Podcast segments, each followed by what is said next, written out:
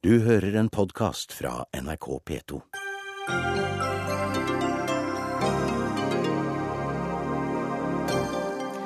Ap-topp vil sparke styremedlemmer for å hindre lederlønningene i å gå enda mer til himmels. Det sier Arbeiderpartiet hvert år, uten å løfte en finger, sier Fremskrittspartiet. Spania tvinges mot full krisehjelp fra EU, og nye tall tyder på at krisa kan være på vei inn i Tyskland. De syriske regjeringsstyrkene bomber landets største by. Tidligere våpeninspektør Hans Blix vurderer situasjonen og våpnene i Dagsnytt 18. Parkeringsvakter i Oslo skal også være ordensvakter. Det skaper falsk trygghet, sier Politiforeningen, som møter Oslo-byråden til debatt.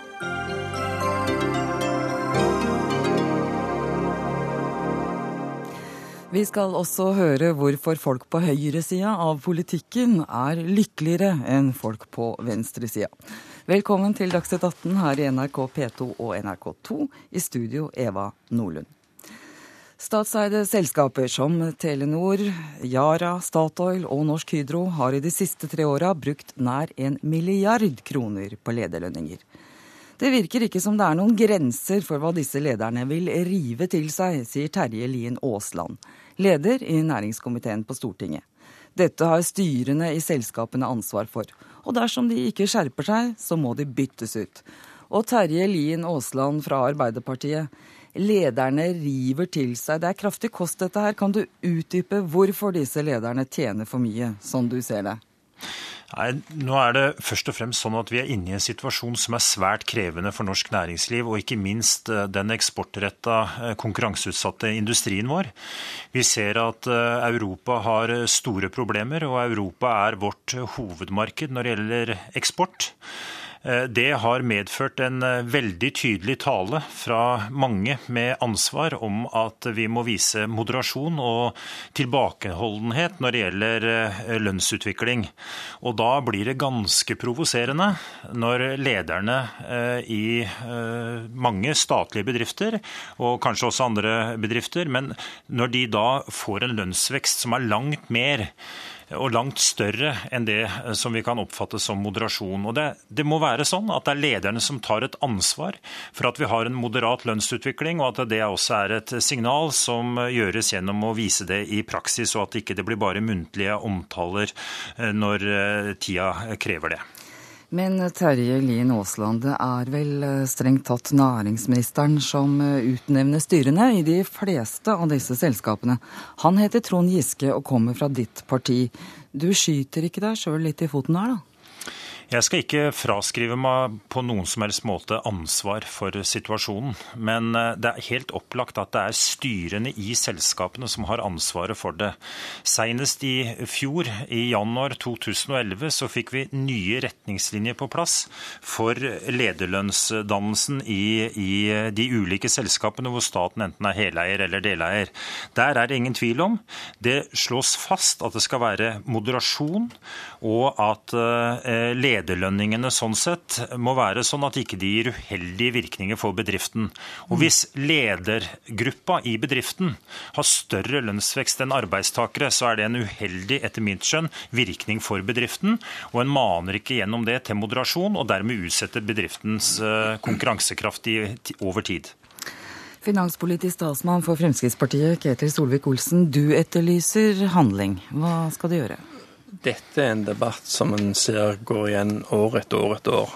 Hvis en går inn i papirarkivene til avisene, så ser en at Terje Lien Aasland, som nå har uttalt seg, hadde samme utspill i juli i fjor.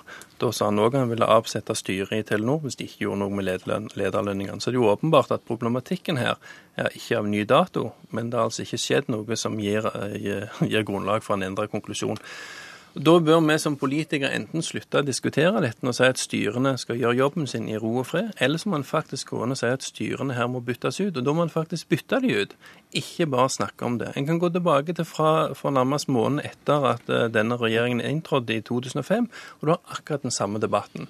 Det er viktig at ledere i selskap, både statlige og private selskap, i hvert fall når de er bekymra for sin bedrifts konkurranseevne og konkurransesituasjon, ser på hvilke signal de gir når deres egne lønninger går opp. Da hadde jeg òg ønsket høyere lønn hvis jeg hadde jobbet på fabrikkgulvet eller verkstedsgulv eller hva det er. Eh, så der er det et ansvar til lederne. Men vi som politikere kan ikke gå inn og overstyre dette her, med mindre vi faktisk sier til de styrene der staten er eier, at vi ønsker å bytte ut styret. Så du mener Arbeiderpartiet får handle, eller eh, helst slutte å snakke med enten om det? Du, for du vil ikke gå inn, du vil ikke ha noe handling. Det vil ikke Fremskrittspartiet. Fremskrittspartiet har sagt at vi mener at spesielt alle de fallskjermene som ute går i statlige selskap, det er en, eh, en uting. Eh, Og det gjør jo at når du regner hvor store lønningene er, så framstår de som ekstra store fordi at mange har gode, saftige fallskjermer. Du bør ikke premieres for å ha gjort en dårlig jobb i et selskap. Men òg i selskap der staten er eneeier, så går det an å gå føre som et eksempel og legge deg på en normal lønnsvekst istedenfor en ekstraordinært høy lønnsvekst, som vi har sett under den rød-grønne regjeringen. Men i børsnoterte selskap så kan ikke politikere på Stortinget gå inn og overstyre det som styrene gjør. Da kan vi like eller mislike det som skjer, men en bør ikke gå ut og lage den støyen som nå skjer fra Arbeiderpartiet. Terje Lien Aasland, slutt å støye eller gjør noe med det, er jo også klar beskjed. Hva, hva, hva velger du? Nei, Jeg skal i hvert fall ikke slutte å diskutere dette, for det er helt vesentlig. Og hvis ikke en skjønner hvilken effekt eh, en eh, større eh, lønnsutvikling for lederne gir på lønnsdannelsen i Norge, da burde en kanskje frastå å diskutere. Men her er det klare sammenhenger. Meg Forvent en moderasjon. Beklager, Aasland. Men for å ta det Dette har dere snakka om i, i, Det stemmer vel det som Solvik-Olsen sier, at dette har, har du ikke minst nevnt før. Hvorfor er det ikke blitt handling av det? Nå er det sånn at vi fikk nye retningslinjer i januar 2011.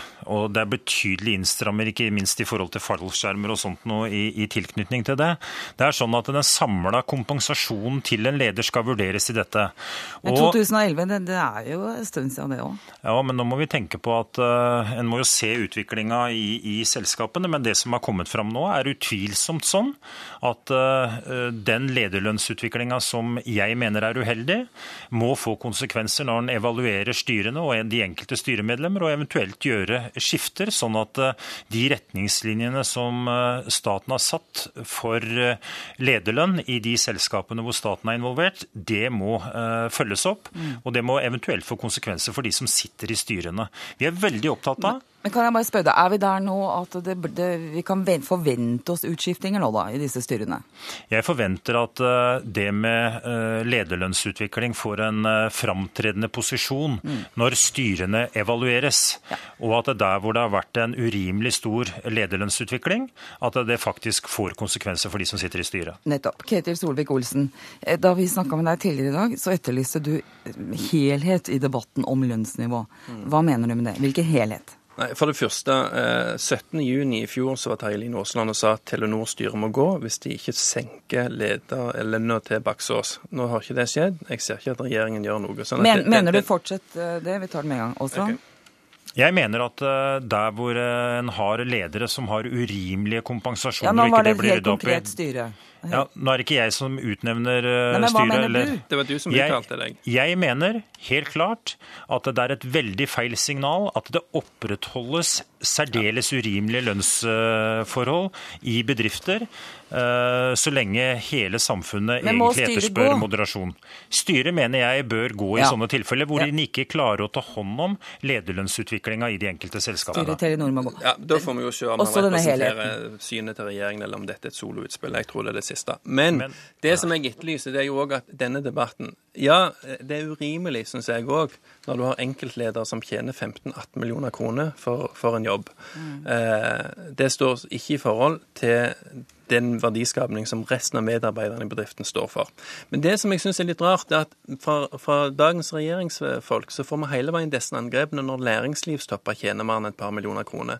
Men når du ser idrettsledere, fotballtrenere, som tjener like mye, som òg har vært ansatt av Ap-politikere, sånn som i VIF, så får en altså en aksept for det Men- som en helt annen. Men da- folk, da er det- Unnskyld, men folk flest, som ditt parti henvender seg til, altså skattebetalerne, eier jo ikke fotballklubber.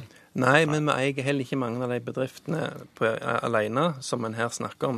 Men det er altså at en skaper denne debatten. Vi kaller vel gjerne å eie når vi har uh, Jo, men, men du, har, du, eier ikke flertallet i Hydro. Nei, da, og, selv, og, selv, om du har 67% eierskap i Statoil, så kan du ikke gjøre hva du vil med minoritetseierne. Men det som jeg reagerer på, det er at de rød-grønne hele veien skal appellere til sine LO-medlemmer med å skape denne debatten om lønninger i industrien, mens de ikke går inn og ser også på lønnsnivået i en del andre områder av samfunnet, som selvsagt industriledere òg ser på. Det er ingen som syns det er rett at en fotballspiller skal tjene 3-4-5 millioner kroner, mens en industrileder skal tjene mye mindre. Ja, Nå kan, kan, kan, vi kanskje la fotballønninger være en annen debatt. Nei, det er en relevant debatt. Nei, det som er relevant her, det er at det, det er satt veldig tydelige retningslinjer for hvordan lederlønn i de statlige selskapene og de selskapene hvor staten er medeier skal foregå.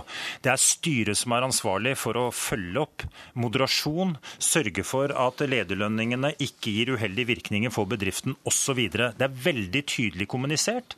Når styrene ikke følger opp det, så er det naturlig at det får konsekvenser for styresammensetning og for, eh, for statens eh, si, rolle og vurdering av de styrene inn mot generalforsamlinga, og at den håndterer det deretter. Det som jeg syns er bekymringsfullt, det er at de i en tid hvor norsk konkurransekraft er avhengig av moderasjon, så ønsker altså Fremskrittspartiet egentlig at den debatten ties i hæl, og at den ikke tar den debatten på alvor. Det er det vi nå faktisk velger å gjøre. Det er et mm. uheldig for den norske konkurransekrafta hvis ikke vi klarer mm. å, å, moderere lønnsutviklinga i Norge. Eh, Solvik-Olsen, vi hører altså at uh, rundt 75 mennesker har fått 1 milliard på deling på tre år i disse selskapene. Og det er vel ikke helt i tråd med norsk likhetskultur og, og det å få tilslutning til en moderasjonslinje? Nei, men norsk likhetskultur kan òg ha mange aspekt i forhold til skal du ha likhet i mulighet eller likhet i resultat. Men som jeg har sagt Hva mener du med det? Ja, nei, altså, poenget da, Folk vil Selv om hvis folk for FAP, Ikke likhet i lønn. For folk så er det viktig at, folk, at en gir folk mulighet like muligheter til å komme seg fram i samfunnet. Så vil folk ha ulike prioriteringer i forhold til mm. familie, for hvordan de bruker fritid, hvor de bruker evnene sine, som gjør at du òg får en viss ulikhet i lønn. Og Det syns jeg er helt greit. Ja. Men jeg har selv sagt, og jeg syns det er urimelig at Eileen Aasland si at dette ikke er et problem, jeg har selv sagt at norske næringslivsledere som klager over konkurranseevnen i sine bedrifter, kan ikke samtidig gi seg sjøl lønninger som går eh, utover enhver normal uh, situasjon, og som gjør at folk på gulvet òg ønsker den samme lønnsveksten og ødelegger konkurransekraften. Men, men det, det, jeg etterlyser, det er jo at dette er utspill som vi har hørt fra Arbeiderpartiet i sju år nå. Allikevel så har de hatt en kjempelønnsvekst fra de rød-grønne under de rød-grønne. Og da må du enten ha handling, eller så får du la være å skape støy. Det har du nevnt. det har du nevnt. Ja, Aasland, kort før vi, vi har nemlig en tredje gjest her. Veldig uhøflig å ikke slippe til han snart. Ja, nei, Det her er et helt sentralt og særdeles viktig spørsmål å diskutere. Eh, og det er ikke sånn at det er verken soloutspill eller Bare at det å diskutere, ikke å gjøre noe med det? Nei, vi må gjøre noe med det. Og vi har en næringsminister som handler. Og hver gang han handler, så blir han også kritisert av Fremskrittspartiet. Vi er et land, vi skal huske på, vi er et land med små forskjeller i utgangspunktet. Det har historisk gitt at det er stor tillit mellom arbeidstakere og ledere. Det er den, eh, den koblinga der som er i ferd med å brytes, hvis ikke lederne sjøl velger å moderere eh, den eh, lønnsutviklinga de sjøl ønsker å ha. Velkommen, professor ved Økonomisk institutt ved Universitetet i Oslo, Kalle Mone. For å gå rett på det, hvilke, hvilke samfunnsøkonomiske konsekvenser kan det ha når lederlønningene tar litt av? Eh, flere. Først vil jeg bare si at jeg uttaler meg ikke om akkurat den debatten som Du vil ikke blande deg inn i den? Nei, nei, nei det, det klarer de godt skyld. Så er det samfunnsøkonomien, da. Så Jeg tror de samfunnsøkonomiske konsekvensene er flere. For det første så tror jeg det at motivasjonsordninger generelt blir veldig fort ødelagt lenger nede i organisasjonen når folk på toppen får veldig store tillegg, som er helt urimelig i forhold til det som eh, de har lenger nede i organisasjonen. Det betyr at ordninger som kunne ha virket hvis de var moderate på toppen, virker ikke like godt når eh, en eh, gir seg sjøl de største fordelene helt på toppen. Det er det ene. Det andre er at tillit, som mange snakker veldig pent om, det kanskje mest grunnleggende der er små forskjeller. Så vi har studert sammenhengen mellom små forskjeller og eh, tillit mellom eh, forskjellige nivåer i bedrifter og næringsliv, mellom stat og næringsliv. Og det ser ut til at, at det som er, er, grunnleggende, det er de små forskjellene som skaper tillit. Der som det er små forskjeller, er det tillit. Og det er veldig, når du, når du statistisk kontrollerer på små forskjeller, så er det ingen separat effekt av tillit. Så det ser ut til at, en kan veldig lett ødelegge tilliten i, i et samfunn ved å gjøre forskjellene store. sånn at en lever veldig forskjellige liv, en forstår ikke hverandre. Mm. Eh, og Det har skjedd veldig mange steder. Jeg tror mye av krisen i Sør-Europa og delvis i USA er skyldt også av at en er veldig vanskelig kan få en felles forståelse av det som er problemene. Forskjellene er for store på folk, rett og slett? Ja. ja. Og at jeg ikke, derfor ikke har tillit til at, at, det som vi setter i verk nå, skal gagne det store flertallet. Og de tingene er knyttet veldig til, eh, til forskjeller mellom topp og bunn. Uh, ikke bare det, men også mellom topp og bunn i, i næringslivet. Så jeg syns det er litt rart at det er veldig forskjellig argumentasjon for belønningen og motivasjonen av en leder i, i en næringsbedrift og en leder i et f.eks. til og med som kan være eid av staten, og leder av et eh, offentlig byråkrati som et finansråd eller hva det måtte være i Finansdepartementet. Det er litt, grann, Aksen gjør litt narr av folk som gjør en kjempeinnsats på andre områder, som har en tiendedel av lønna til det som eh, ledere i næringslivet har. Og Jeg vil ikke tro at de lederne vi snakker om her i næringslivet, er uvillige eller ville slutte hvis de fikk eh, mindre lønn. Hvis de gjør det, så er det antagelig kom på feil sted. Og da vil vi antagelig være bedre tjent med at det gikk. Ja, like greit at det gikk. Altså. Men jeg har ingen, jeg har veldig stor tillit til Rune Bjerk og disse folkene. Det er folk som antagelig er motivert av å skape en, en, en god bedrift, av å få det til. Mm. Så jeg tror det er rett og slett en misforstått uh, kanalisering av penger til folk som ikke trenger det, og som jeg tror vil gjøre en kjempeinnsats uh, også uten den type belønninger. Takk skal du ha, økonomiprofessor Kalle Mone. Takk til politisk, nei det heter ikke det heter, finanspolitisk talsmann i Fremskrittspartiet, Ketil Solvik-Olsen. Og takk til Terje Lien Aasland, som leder næringskomiteen på Stortinget og er fra Arbeiderpartiet.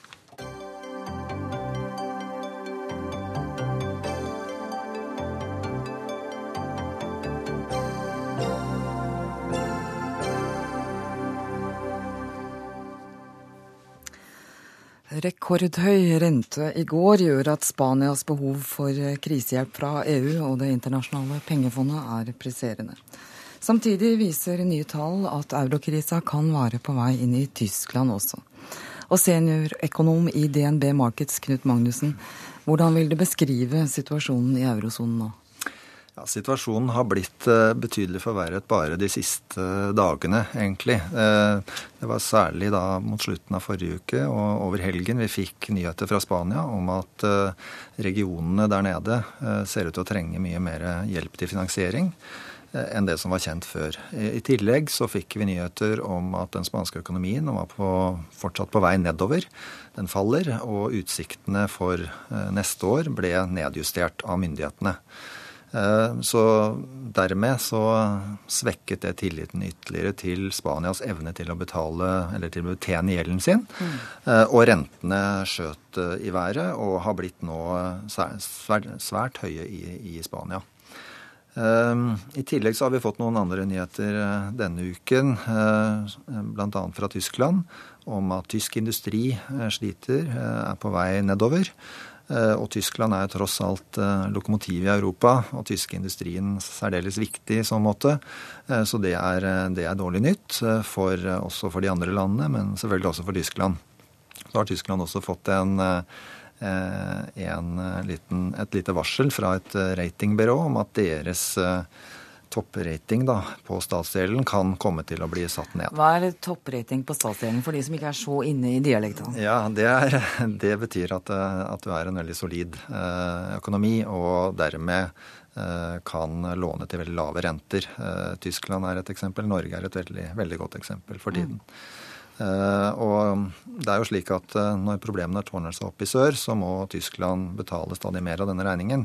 dermed så svekkes også finansene i Tyskland. Vi skal komme litt eh, tilbake til Tyskland igjen, men først skal vi dvele ørlite grann ved Spania. Vi har med oss eh, førsteamanuensis ved Universitetet i, Tromsø. Markus Buch, du underviser også ved Universitetet i Granada. Akkurat nå er du i Wien.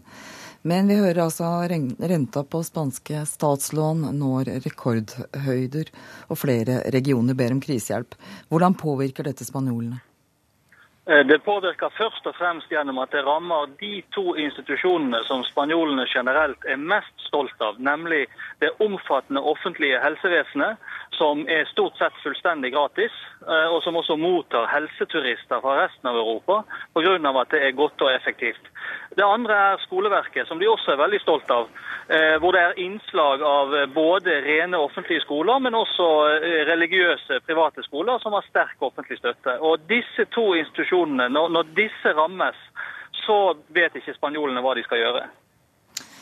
Vi hører at 50% av de unge er arbeidsløse i Spania. Hvordan ser dine spanske studenter på framtida? De ser veldig mørkt på fremtiden. Eh, ingen av de tror at de i overskuelig fremtid, og da snakker vi altså 10-15 år, vil være i stand til å skaffe seg en, et, en fast, eh, et fast arbeid og en inntekt som gjør at de kan skaffe seg egen bolig. Vi har også med oss professor i samfunnsøkonomi ved Universitetet i Oslo, Halvor Melum. Eh, har, har, Spania noen andre alternativer nå enn å be om krisepakke? Nei, Det ser veldig alvorlig ut. De, eh, markedet er i hvert fall eh, svært i tvil om Spania vil kunne gjøre opp hele gjelda. og Det er derfor de prøver å kvitte seg med den gjelden de sitter på, altså investorene, og prøver å selge den videre til nye investorer. og Etter hvert som de gjør det, så går prisen på denne gjelda ned, og renta går opp. Mm. Så det er et tydelig signal om at uh, de som forstår seg på mulighet for mislighold, uh, og som kjøper og selger denne gjelda, mener at uh, risikoen for dette er øket betydelig. Og det har jo da å gjøre med med eh, f.eks. underskuddene i provinsene, som ble nevnt her.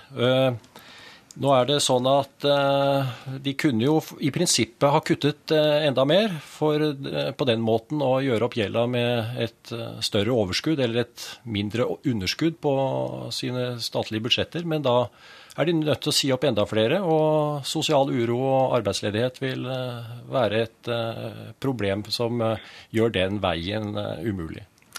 Ja, Markus Buch, vi har sett bildene fra Madrid der studenter og andre demonstranter ble skutt på med gummikuler. Hvordan ser du på mulighetene for mer sosial og politisk uro i, i Spania? Eh, den er konstant. Eh, for det første så er det slik at eh, arbeidslivet i Spania er langt mindre fredelig enn det er i Norge. Det er mye mer demonstrasjoner. Man har ikke punktvise streiker som i Norge. Man kaller inn til generalstreik, og så blir det en sånn propagandamessig oppgjør om hvor mange som deltok eller ikke, osv. Slik at det der vil det bli mye mer av. Og det de viktigste og største fagforeningene krever, det er en folkeavstemning om innstrammingspakken, fordi at de med rette dette sier at den nåværende sittende regjering ikke gikk til valg på den politikken som regjeringen faktisk fører. Den er faktisk stikk motsatt av hva de sa de skulle gjøre. Ja, Melum, en folkeavstemning om hjelpepakka, hvordan vurderer du det? Nei, jeg vet ikke riktig. Det høres jo litt ut som det som var foreslått i Hellas. Eh, og det ble jo da et slags folkeavstemning om eh, redningspakker eh, da de hadde parlamentsvalg her i våres. Det kan eh, hende at det er en eh, god idé. Det er bra at folket kan få lov til å komme til orde og få uttrykt sine mening. I Hellas så var det jo slik at folket da valgte å fortsette samarbeidet med IMF og sentralbanken om eh, en ordnet, ordnet løsning på problemene, uten at dermed troverdigheten til denne løsningen er blitt noe bedret. Men det er jo bra at man lar folket få lov til å komme til orde. Så kan de vise ansvarlighet eller eller ikke, eller eh, i hvert fall få, få Vise hva de mener. Ja. Eh, Knut Magnussen i DNB Markets. Vi, vi, hørte eh, statsministeren i Spania, Rajoy, snakke om, eh, om at bankene i Spania trengte hjelp. Han var veldig opptatt av at, at regjeringa og myndighetene trengte det ikke. Men så, det kan han ikke si lenger. Vel, nei, altså det var jo ikke noe tvil om at bankene har vært det store problemet i hvert fall eh, kanskje i tillegg til arbeidsledigheten, mm. Eh, i Spania. Og at bankene trengte hjelp, var det ikke noe særlig tvil om. Bankene har eh, blitt påført veldig store tap, og vi skal huske på at mye av årsaken til krisen der nede, det var jo en veldig sterk byggeboom og en, en nedtur etterpå. Som vi har sett i andre land også. Og, det er klart at bankene er helt avgjørende for å få en økonomi til å fungere, slik at det var veldig kritisk å få, få, på plass en hjelpepakke til bankene. Den kom på plass nå, eh, nå rett før dette mm. skjedde. Så litt paradoksalt at, eh, at, at nå markedene nå har igjen mistet tilliten. Mm. For denne bankpakken den ble sett på som et viktig tiltak. Vi var så vidt inne på, på, på Tyskland. Kan du utdype fra ditt ståsted hva, hva skjer der? Hvorfor har vi dette fallet i industriproduksjon? Ja, så Vi kan jo si sånn at Tyskland har holdt uh, eurosonen uh, brukbart oppe en stund. Uh, har utviklet seg ganske bra og særlig eksportert mye til nye markeder. og har høy produktivitet og innrettet seg bra. Men også Tyskland er selvfølgelig følsomme overfor hva som skjer i den store verden. Og når det nå begynner å gå litt svakere i, i andre markeder, så merker også tyskerne det. Derfor så ser vi nå en konjunkturell Eh, svikt i Tyskland. En eh, en konjunkturell svikt, altså at eh, bedriftene begynner å merke svakere etterspørsel fra andre markeder. Mm. Eh, professor ved Universitetet i Oslo, Halvor Melum, hvordan ser du på konsekvensene? Eller hvilke konsekvenser kan det få dersom eh, Tyskland kommer eh, Dersom krisa kommer inn i Tyskland?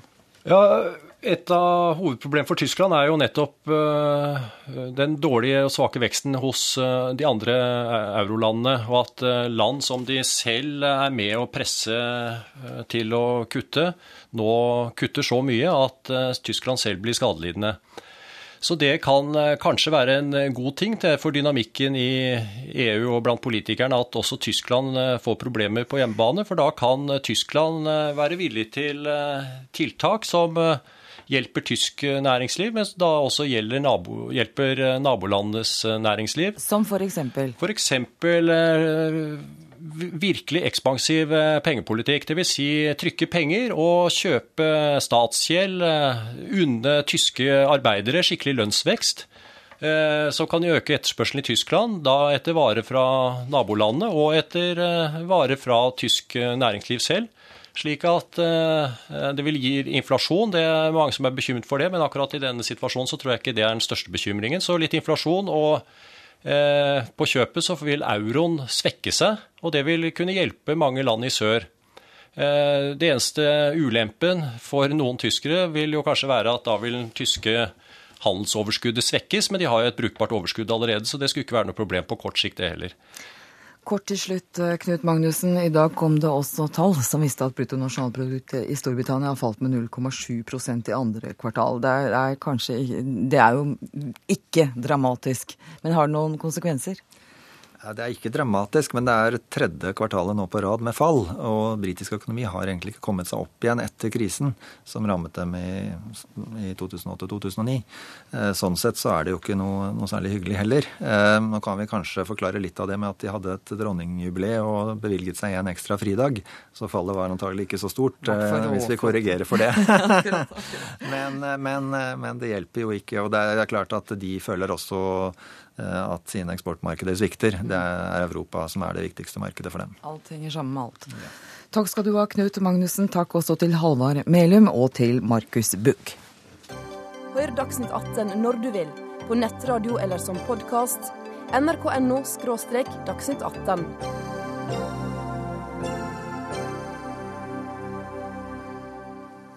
Etter 1.7 eh, har de kommunale parkeringsvaktene i Oslo fått mer ansvar. I tillegg til å skrive ut parkeringsbøter, skal de også passe på at byens borgere er trygge. F.eks. jage narkoselgere fra Akerselva og sørge for at kvinner kommer seg trygt hjem fra byen. Oppgaver som ligner veldig på de oppgavene ordenspolitiet har. Dette gir falsk trygghet, sier Oslo politiforening. Og leder i Oslo politiforening, Sigve Bolstad, du er med oss fra Lillehammer. Hva mener du med at parkeringsvaktene vil skape falsk trygghet? For det første så vil jeg si at eh, det at flere ser eh, at det er behov for å få flere ut i gata for å drive trygghetsskapende arbeid, det er i seg sjøl eh, positivt. Det ønsker jeg å innlede med. Men så er det nå engang sånn at det som berører liv, legeme og helse, ro og orden, det er en statlig oppgave. Og det er en oppgave som politiet har. Og for å kunne drive med et så viktig type arbeid, så er man satt til å ha en bred og lang utdannelse og skaffe seg en god kompetanse og derved en god erfaring. Dagens politikorps er etter min Oslo politiforenings vurdering godt, godt skolert og i henhold til de Eh, lover og regler og, og, og pålegg som, eh, som, eh, som, påhviler oss. Og på bakgrunn av det så er vi satt til å håndtere de type, type oppgavene. Mm.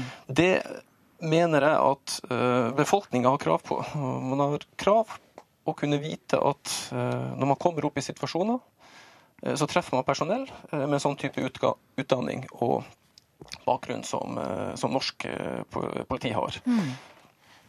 Ja, Fungerende byrådsleder eh, Ola Elvestuen fra, fra, Venstre. Hva slags opplæring har disse parkeringsvaktene fått i regelverk og i etikk f.eks.? Mm. Det som er viktig her, er at det er helt riktig at politiet har sin uh, oppgave. De har makt, maktmonopol. Vi tar det først. Hva slags opplæring? Uh, dette er jo Oslo-vakter som først og fremst skal være til stede. Det er jo helt riktig at de, skal, de har ikke noen myndighet til å bortvise noen fra noen områder, og er definitivt ikke noen oppgaver, går ikke på noen oppgaver som politiet har. Dette handler om at vi erkjenner at politiet klarer ikke å ha nok tilstedeværelse i det offentlige rom i Oslo. Dermed så har vi supplert det med det vi kaller Oslo-vakter. Nå har vi hatt en ordning siden i fjor høst med innleide vektere som har gjort denne oppgaven. Vi har også hatt forsøk tidligere. Det har fungert godt i nedre deler av Grünerløkka. Det er et godt samarbeid med med politiet. Nå forsøker vi også en, å bruke, se om vi kan bruke egne ressurser og ansatte i større grad. Ja. Men vil ha en rammeavtale ja. også med vektere. Men da er vi ved utgangspunktet, for nå er det kommunale parkeringsvakter som skal gjøre en slags vekterjobb, da, for å, kalle det det. Som, har, som ligner litt Skal være trygge, så må vi jo tro at noen kan utgjøre en forskjell, ikke sant. Hva slags opplæring har parkeringsvaktene fått? Dette er forebyggende tiltak hvor man, hvor man, skal være til stede i det offentlige rom. Ja. Og Sånn sett så er det ikke noe egen opplæring i forhold til det å være til stede. Okay. Men det som er helt avgjørende, er at du har en, du har en klar rolleforståelse mm. om hva som er disses oppgave, som nettopp er å være til stede. De skal ikke bortvise noen. De har, de, man kan ha kontakt med politiet, det er et nært samarbeid med politiet. Det har det vært også, også tidligere ja. med Oslo-vakter, og det vil vi selvfølgelig ha også nå. Men vi, vi blir jo ikke trygge av parkeringsvakter med, med gule vester aleine. Altså, hvilken myndighet har disse ordensvaktene, parkeringsvaktene? Nei, de har ingen myndighet utover Nei. det som er deres rolle. De kan ikke men... holde noen tilbake hvis det blir noe bråk til politiet kommer, eller Nei. Nei. Det jeg jo sier her, er jo at dette er et forebyggende tiltak. Mm. Det handler om at du skal ha offentlige personer i det offentlige rom. Mm. Og jeg tror at det, folk som, at det er behov for i, i Oslo, mm. i deler av byen. Her har vi et godt samarbeid med politiet om hvor man bør oppholde seg, og det kommer vi til å følge opp med disse, eh, disse offentlige og mm. kommunalt ansatte. Og så har vi også en rammeavtale med vektere. Men dette er en ganske ny ordning også for eh, Oslo. Eh, vi har hatt Oslo-vakter nå i et års tid, og vi, vi, leter selvfølgelig også etter hva som er den riktige formen for dette. Mm. Og det vil vi gjøre i samarbeid med politiet. Ja, Sigve Bolstad i Oslo politiforening. Eh, altså disse parkeringsvaktene, som vi jo kjenner fra gatene per i dag, så kan de skrive ut parkeringsbøter, og de kan bøtelegge for søppel og hvis du ikke har tatt istappene på huset og sånn. Men de, skal, de, har ikke opplæring, men de skal jo heller ikke ha noen myndighet. Det, hvordan blir det falsk trygghet da, eller hvordan tror du dette vil slå ut? Uh, det er åpenbart at bakgrunnen er at det ikke er nok politi. Ergo så må man se på andre typer løsninger. Uh, og da blir det jo et lite paradoks at hvis det på den ene sida så erkjenner man, uh, sånn leser iallfall jeg det, man erkjenner at det ikke er nok politi. Mm. Og i neste øyeblikk, eh, hvis trafikkvaktene da ser noen ting, så skal man kontakte politiet. Ja. Eh, min frykt da, det er at disse eh, parkeringsvaktene som har de beste hensiktene, så er det sagt, det er ikke noe angrep på disse parkeringsvaktene overhodet fra min side. Nei, nei.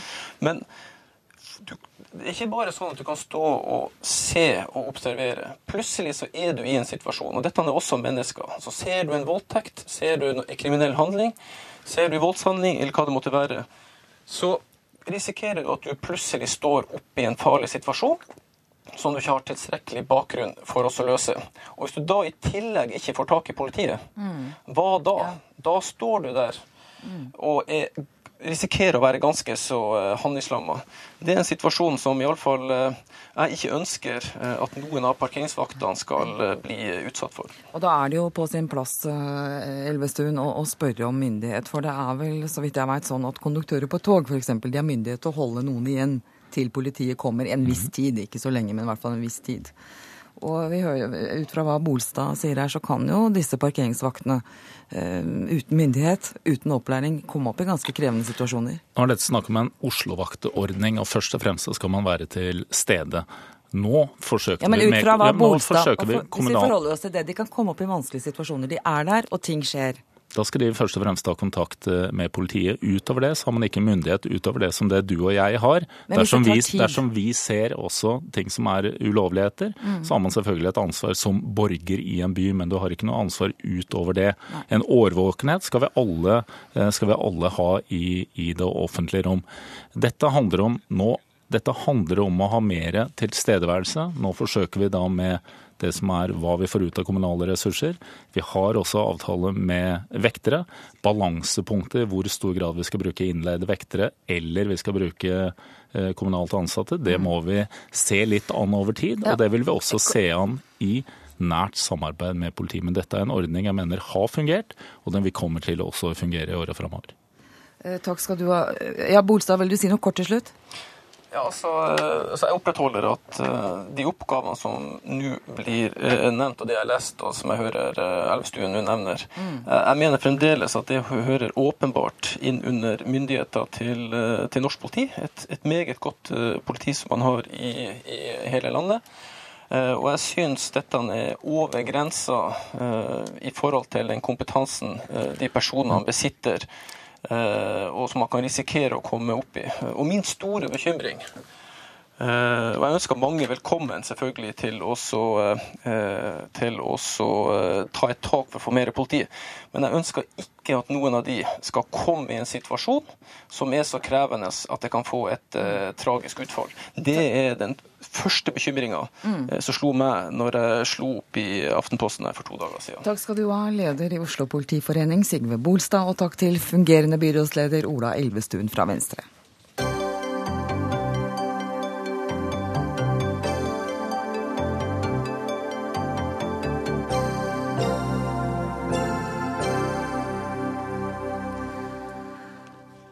Da er det sånn at vi om eh, rundt fire minutter går av NRK2, eller i hvert fall ganske snart, men vi fortsetter i NRK P2. I 2011 ble det diagnostisert 269 nye hiv-smittede i Norge. I dag kan en få opptil tre års fengsel for uaktsomt å smitte noen med hiv-viruset.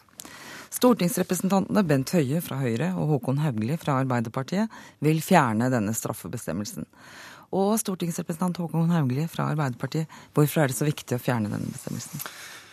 Dette er en lovbestemmelse som virker mot sin hensikt. I korte trekk så er det sånn at den bidrar til å eh, stigmatisere og eh, gjøre livet vanskeligere for en utsatt eh, gruppe mennesker, og hindrer åpenhet om hiv-diagnose og hindrer testing, hiv-testing. Dette må du forklare litt nøyere. Ja, Kunnskap og åpenhet det er helt avgjørende for at vi skal kunne bekjempe hiv og forebygge hiv. Og hvis folk tror eller antar feilaktig eller riktig at de kan straffes for å være hiv-positive, så kan det hindre at de går eh, og tester seg. Og Dette ser vi i amerikanske undersøkelser.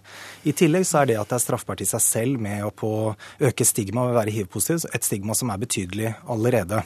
Så eh, hensikten med bestemmelsen er jo veldig god. Den er jo å sørge for at eh, vi beskytter eh, folk mot eh, sykdom, men eh, den har helt motsatt effekt. Du, Er det mange som er dømt etter denne straffebestemmelsen? Det er ikke veldig mange. Det er vel omtrent 25 dommer, så vidt jeg er kjent med. Og de er veldig forskjellige, disse dommene. Det handler i veldig stor grad om folk som er i langvarige parforhold. Og når parforholdet blir eh, slutt, så uh, dukker hiv-diagnosen opp som et verktøy uh, for den hiv-negative parten. Vi har også med oss Stig Frøland. Du er professor i medisin og har jobba med hiv-aids i en mannsalder, er det fristende å si. Eh, Folkehelseinstituttet har kalt økningen av smittede homofile med hiv for en epidemi. Hvorfor går ikke smittetallene ned?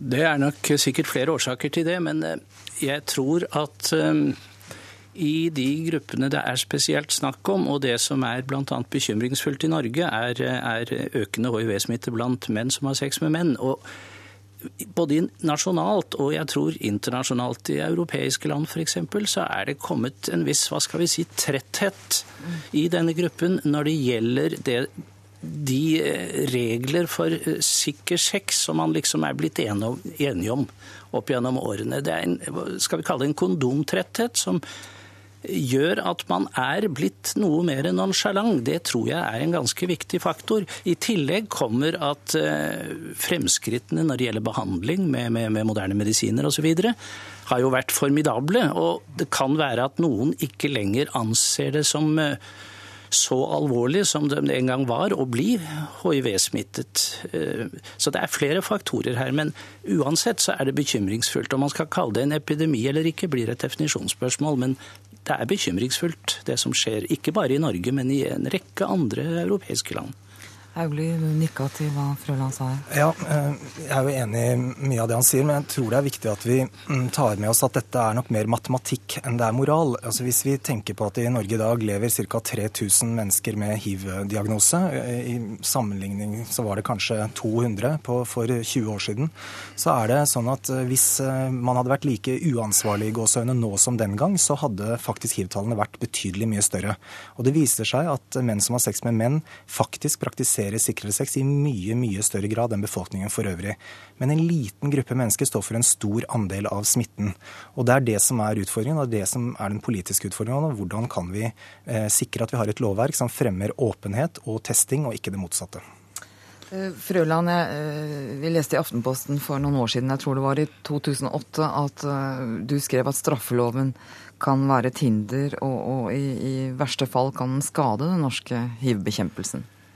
Ja, det er helt klart at uh, straffeloven slik vi har hatt den, den uh, berømte, eller beryktede skal vi si, paragraf 155, som nå er planlagt erstattet med nye paragrafer, den har uh, skapt betydelige vansker for, for hiv-positive. Det er det ikke tvil om.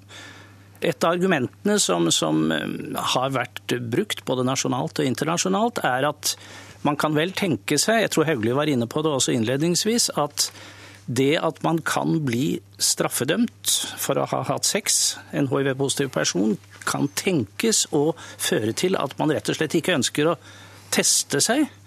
Uh, I den tro da at det skal gjøre at man ikke kan straffes.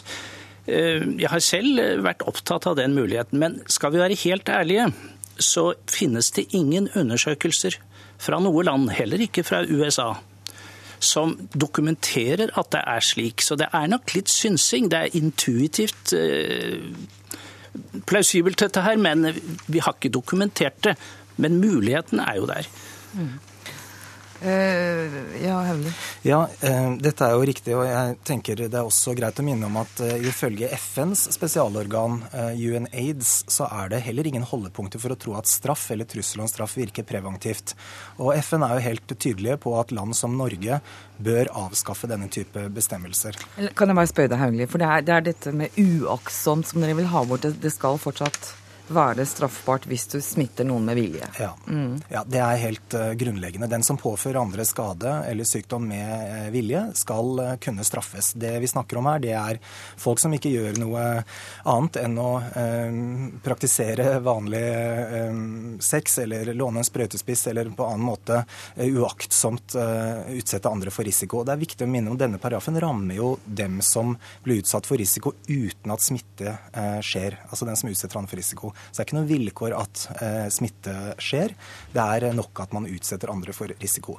Så mange hiv-positive opplever nok at hele deres eh, seksualliv og liv for øvrig er straffebelagt. Og sånn sett så er det et betydelig stigma forbundet med denne paragrafen. Vi klarte ikke å finne noen som kunne komme og forsvare denne paragrafen i dag. Tror du det betyr at eh, det er stor enighet at denne blir borte?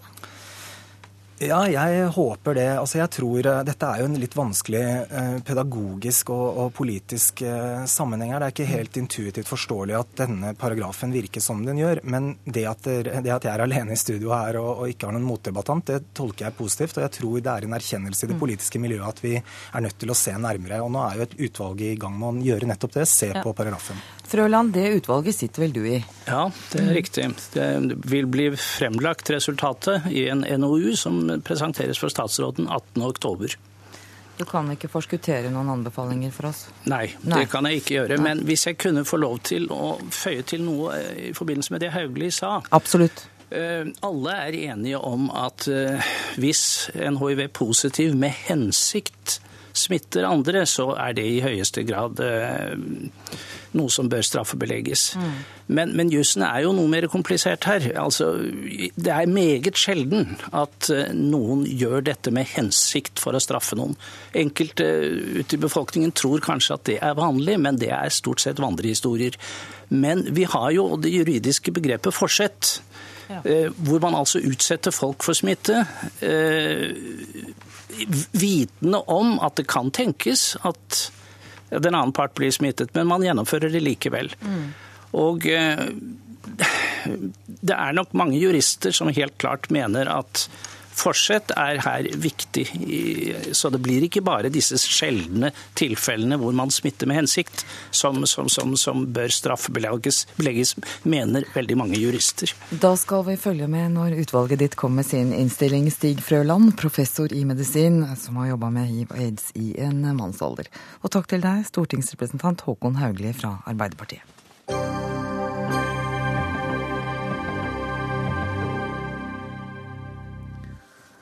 Vi skal til Syria, der situasjonen i landets største by, Aleppo, tilspisser seg. I dag tidlig kom de første meldingene om at regjeringsstyrkene for første gang bruker jagerfly for å bombe byen, som president Assad har flytta tusenvis av soldater til. Og utenriksmedarbeider Sissel Wold, du har vært inne i Syria tidligere i dag, i byen Assas, drøyt sju kilometer fra grensen. Hva så du? Det var enorme ødeleggelser. Og jeg talte opp mot syv ødelagte stridsvogner eh, fra regimets hær. Eh, og alt tydet på at det hadde vært harde kamper der over flere dager. Eh, I går så var det en kollega av meg som var inne der og sa at det var helt folketomt. I dag begynte folk å komme tilbake så vidt, men de så at husene var ødelagt. Veldig mange kom til hus uten strøm, uten vann, og det var heller ikke mat i byen. Så det tar jo lang tid før folk eh, kan leve normalt her. Det kommer til å ta veldig lang tid.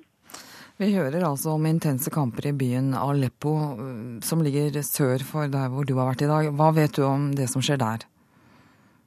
At kampene intensiveres, og at de soldatene vi traff fra den frie syriske armeen, de har stor selvtillit. De sa at vi er på vei til Aleppo nå. Vi kommer til å ta denne byen. Og det er jo veldig mange som mener at hvis Aleppo faller, så faller også regimet, fordi at Aleppo er en veldig viktig økonomisk by. Det er eh, Syrias økonomiske hovedstad. Og det er eh, klart, da fikk vi høre fra opprørssoldatene i dag, at de kontrollerer mange av distriktene rundt Aleppo. Sissel Wold, du er i, i Tyrkia nå. Er alle grenseovergangene mot Syria stengt? Ja, det er det eh, regjeringen her sier. At de har stengt de tre grenseovergangene fordi at eh, de er eh, urolige for sikkerheten.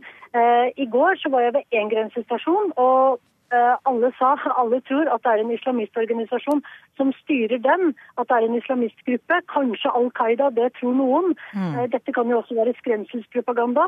Men den vi gikk igjennom i dag, der var den, den frie syriske armeen som hadde kontrollen. Eh, ja, nettopp. Eh, hvorfor vil, vil, Syria stenge grensene mot eh, Nei, hvorfor vil Tyrkia, for det er vel noe som, som stenges av tyrkerne også, hvorfor vil de stenge grensa mot Syria?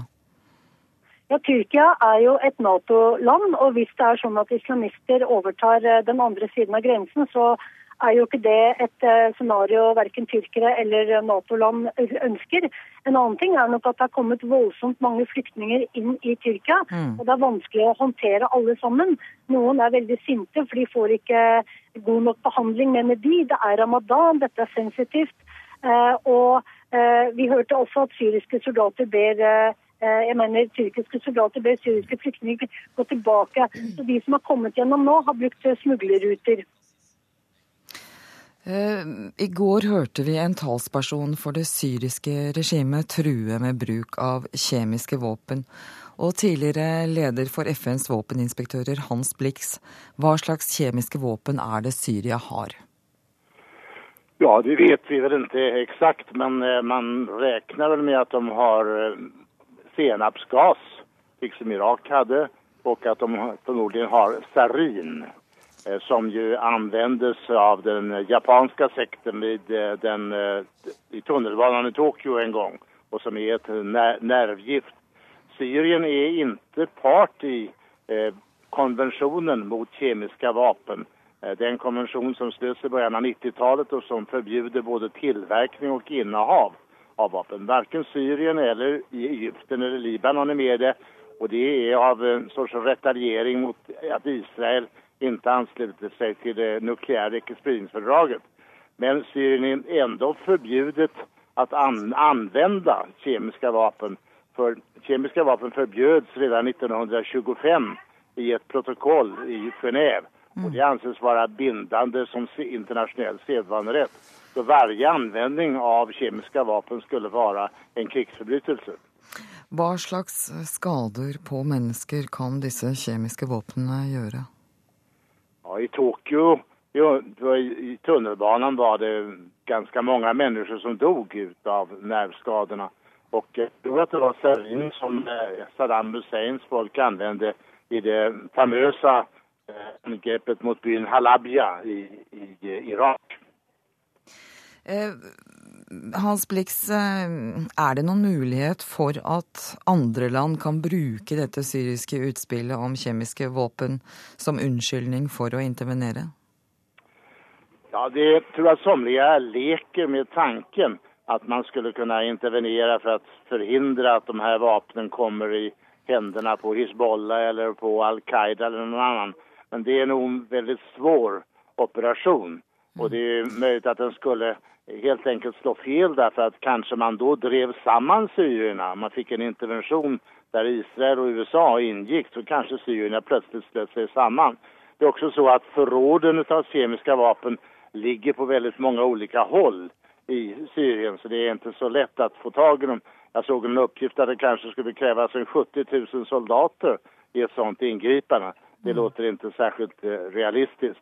Det är också så att det är ganska svårt att använda de här vapnen. Mm. Visserligen så gick ju USA in i eh, Irak en gång för att eh, på, påstod sig att de skulle ta, ta bort de, de eh, nukleära vapen som inte fanns där. Så att ursäkten har ju figurerat. Men nu är naturligtvis kemiska vapen inte alls av samma dignitet som nukleära vapen.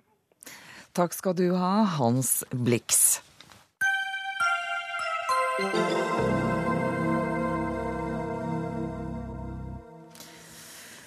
Stortingsrepresentant fra Høyre, for Høyre heter det, Nikolai Astrup. Er du lykkeligere enn dine politiske motstandere på venstresida, tror du? Det er vanskelig å svare på. Lykke er et abstrakt eh, begrep som vi alle fyller med ulikt innhold. Eh, men jeg har kanskje hvis jeg skal si noe, kanskje noe mer positivt samfunnssyn da, enn mine venner på venstresiden. Der vi er opptatt av å tillate, så er venstresiden opptatt av å forby. Ja. Det har vi jo sett nå på forsommeren også, med pappvin og Happy Meal og Kinderegg og, og alt som er, er, galt for oss. Så vi har jo mye mer tillit til enkeltmenneskene, og kanskje det gjør at vi får mer positivt syn og mer glede i hverdagen. Ja, for da skal jeg sitere her. Det er nemlig liten tvil om at folk som heller mot høyre politisk ser lysere på livet enn venstreorienterte. Det slår faktisk kommentator Kjetil Widesvang i Dagens Næringsliv fast i dag. Bak utsagnet så finner vi en kar som heter Arthur C. Brooks, som er leder for den konservative tenketanken American Enterprise Institute, og som har befatta seg med lykkeforskning i årevis. Og ifølge denne mannen så, så henger dette sammen med f.eks. Ikke det du var inne på, Astrup, men at høyrefolk tror mer på Gud, og at flere er gift. Og da skal jeg spørre deg, stortingsrepresentant fra Arbeiderpartiet, Eirin Sund. Er det færre som er gift i Arbeiderpartiet?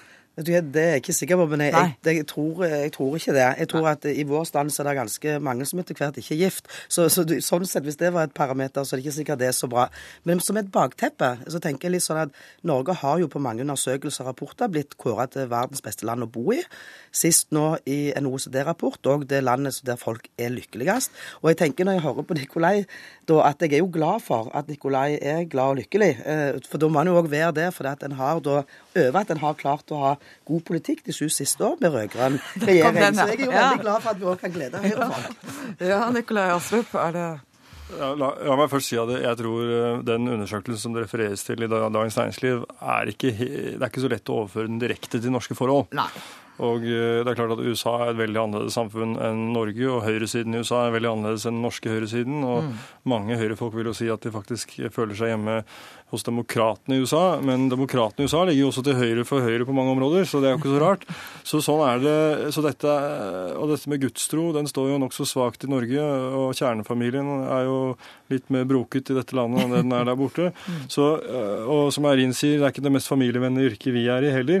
Så, så, jeg tror vi skal ta den overføringen med klippet. Men du innleda med å si at du kanskje ser litt lysere på livet. Mener du det, eller? Nei, det, det var litt spøkfullt, spøkfullt sagt. Men det, det, jeg mener, er jo at eh, jeg tror nok Jeg tror ikke det er sånn at eh, fordi man stemmer Høyre, så ser man lysere på livet. Men eh, det kan jo hende at det er en sammenheng i at vi har et litt annet syn på individenes rolle i samfunnet enn det venstresiden ja, har. fordi formynderstaten har jo alltid stått ja, veldig sterkt i Arbeiderpartiet. Det, det som òg står i artikkelen i dag, eller som han framhever, er jo kan det være en årsak at en òg på konservativ eller på høyresiden er opptatt av å være sin egen lykkes med. Og hvis en, hvis en i hodet sitt og i hjertet sitt er opptatt av seg sjøl og sitt, så er det jo ikke så mye å være bekymra for. Men jeg tror at på venstresiden Sjølopptatt er det du snakker om? Ja, for var det du som brukte det ordet. Ja, men, men jeg tror, sånn ja, jeg mener vel kanskje litt det. Ja. Men, eh, mens på venstresiden så tror jeg veldig mange er opptatt av dette med fellesskapet, eh, de, store spørsmålene som klima, fattigdom. Jeg sier ikke at ikke Nikolai er det, men at det er kanskje en av de tingene som gjør at folk kan bli ulykkelige på venstresida. Men dette er jo et kjempealvorlig spørsmål. For når folk får spørsmål om hva som gjør de lykkelige, så er jo det det at folk ønsker trygghet. Altså trygghet for sitt sosiale liv. Det betyr en jobb å gå til, så gir de mat på bordet, tak over hodet, en barnehage å levere ungene i, en skole å få utdannelse på. Og der er det altså, for ikke å spøke i det hele tatt, der er det jo politiske forskjell. Mm. Så Sånn sett så, så, så, så, er jeg glad da hvis at vi er litt mer som pessimistiske på venstresiden, for da er vi på vegne av de som ikke har det så bra. Jeg tror jo at samfunnsengasjementet, også for de, dem som ikke, som ikke, sitter på livets grønne gren, er nokså jevnt fordelt uh, i norsk politikk. Uh, så, men, men, jeg tror nok uh, vi på høyresiden vi er, vi er opptatt av vi har, vi har, fremtidstro. Vi er teknologioptimister, vi er løsningsorienterte. Vi, vi, vi, har dette felles at vi, vi, tror jo på enkeltmenneskenes evne til å løse kompliserte problemer. Eh, og, og, eh, mens jeg tror nok det er riktig som Eirin er inne på, at i Arbeiderpartiet så er man kanskje mer opptatt av at kollektivet skal, ta, eh, skal løse samfunnets problemer, snarere enn at eh, disse løsningene på et eller annet vis kommer fra, fra den enkelte mennesket. Men jeg tror ikke nødvendigvis det er noen motsetning Eh, men, mellom det. Klart, nei, det, men det er klart at dette er politikk. For det at eh, venstresida ønsker jo å bruke, vi ønsker å bruke at folk skal betale skatt. De skal betale i forhold til hva en tjener. En ønsker å bruke skattekronene til fordeling. En ønsker å bruke dem til å, å, holde på å si, subsidiere tjenester. Så en ønsker at det er det offentlige som skal bygge opp rundt den tryggheten. At du får en utdannelse. Og, og også litt... Høyre får en omfangsrik eh, ja, velferdsstat. Men, men, men, men vi ønsker også at f.eks. 16-åringer skal få lov å velge hvilken skole de skal gå på. 8-åringer skal få lov å velge sykehjem. Ja, men, det, hold oss til lykke. Ja, men, ja, men, det gjør jo folk litt lykkelige. Da. ja, Hvilken skole de går på, så kom hjem og pleie dem. Jeg mener, det, det, har jo med den lykken i hverdagen å gjøre. Men jeg syns allikevel at det, altså, er relevant. Allikevel er det viktig at vi skal være stolte av at det norske folk eh, er noe av det lykkeligste folk i verden. Og når de oppgir grunnen til det, så er det for at de opplever de lever i et trygt og godt samfunn. Og jeg tror jo at det, i det så ligger det at de òg opplever at det, den velferdsstaten vi har, det fellesskapet som ivaretar dem, det og gir alle samme mulighet, uansett hvem en er og hva en har i lommeboka si. Og det er jo en politikk som har vært en villa politikk nå i mange år, og tidligere òg. Og det er klart at der er det forskjell på deg og meg, Nikolai, i forhold til hvordan ja, en velger løsningene. Vi, vi og nå må det være kort, da, for snart av lufta. Fellesskap er mer enn offentlig sektor og, og mer enn en offentlige velferdsytelser, og at uh, veldig mye av den lykken som man kjenner på i hverdagen, den er man med på å skape selv. Og det er viktig at man har frihet til å gjøre det, og at man ikke legger for mange hindringer i veien. Ja, Så det er din og min jobb å se til at alle andre utover oss, oss to og våre partier får et lykkelig og godt liv. Og det er vi enige om. Full enighet til slutt her. Takk for at dere kom i studio. Denne sendinga er slutt. Ansvarlig for sendinga Dag Dørum, teknisk ansvarlig Eli Kirkjebø, Og her i studio Eva Nordlund takker for følget.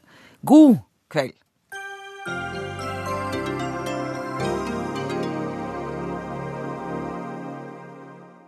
Du har hørt en podkast fra NRK P2.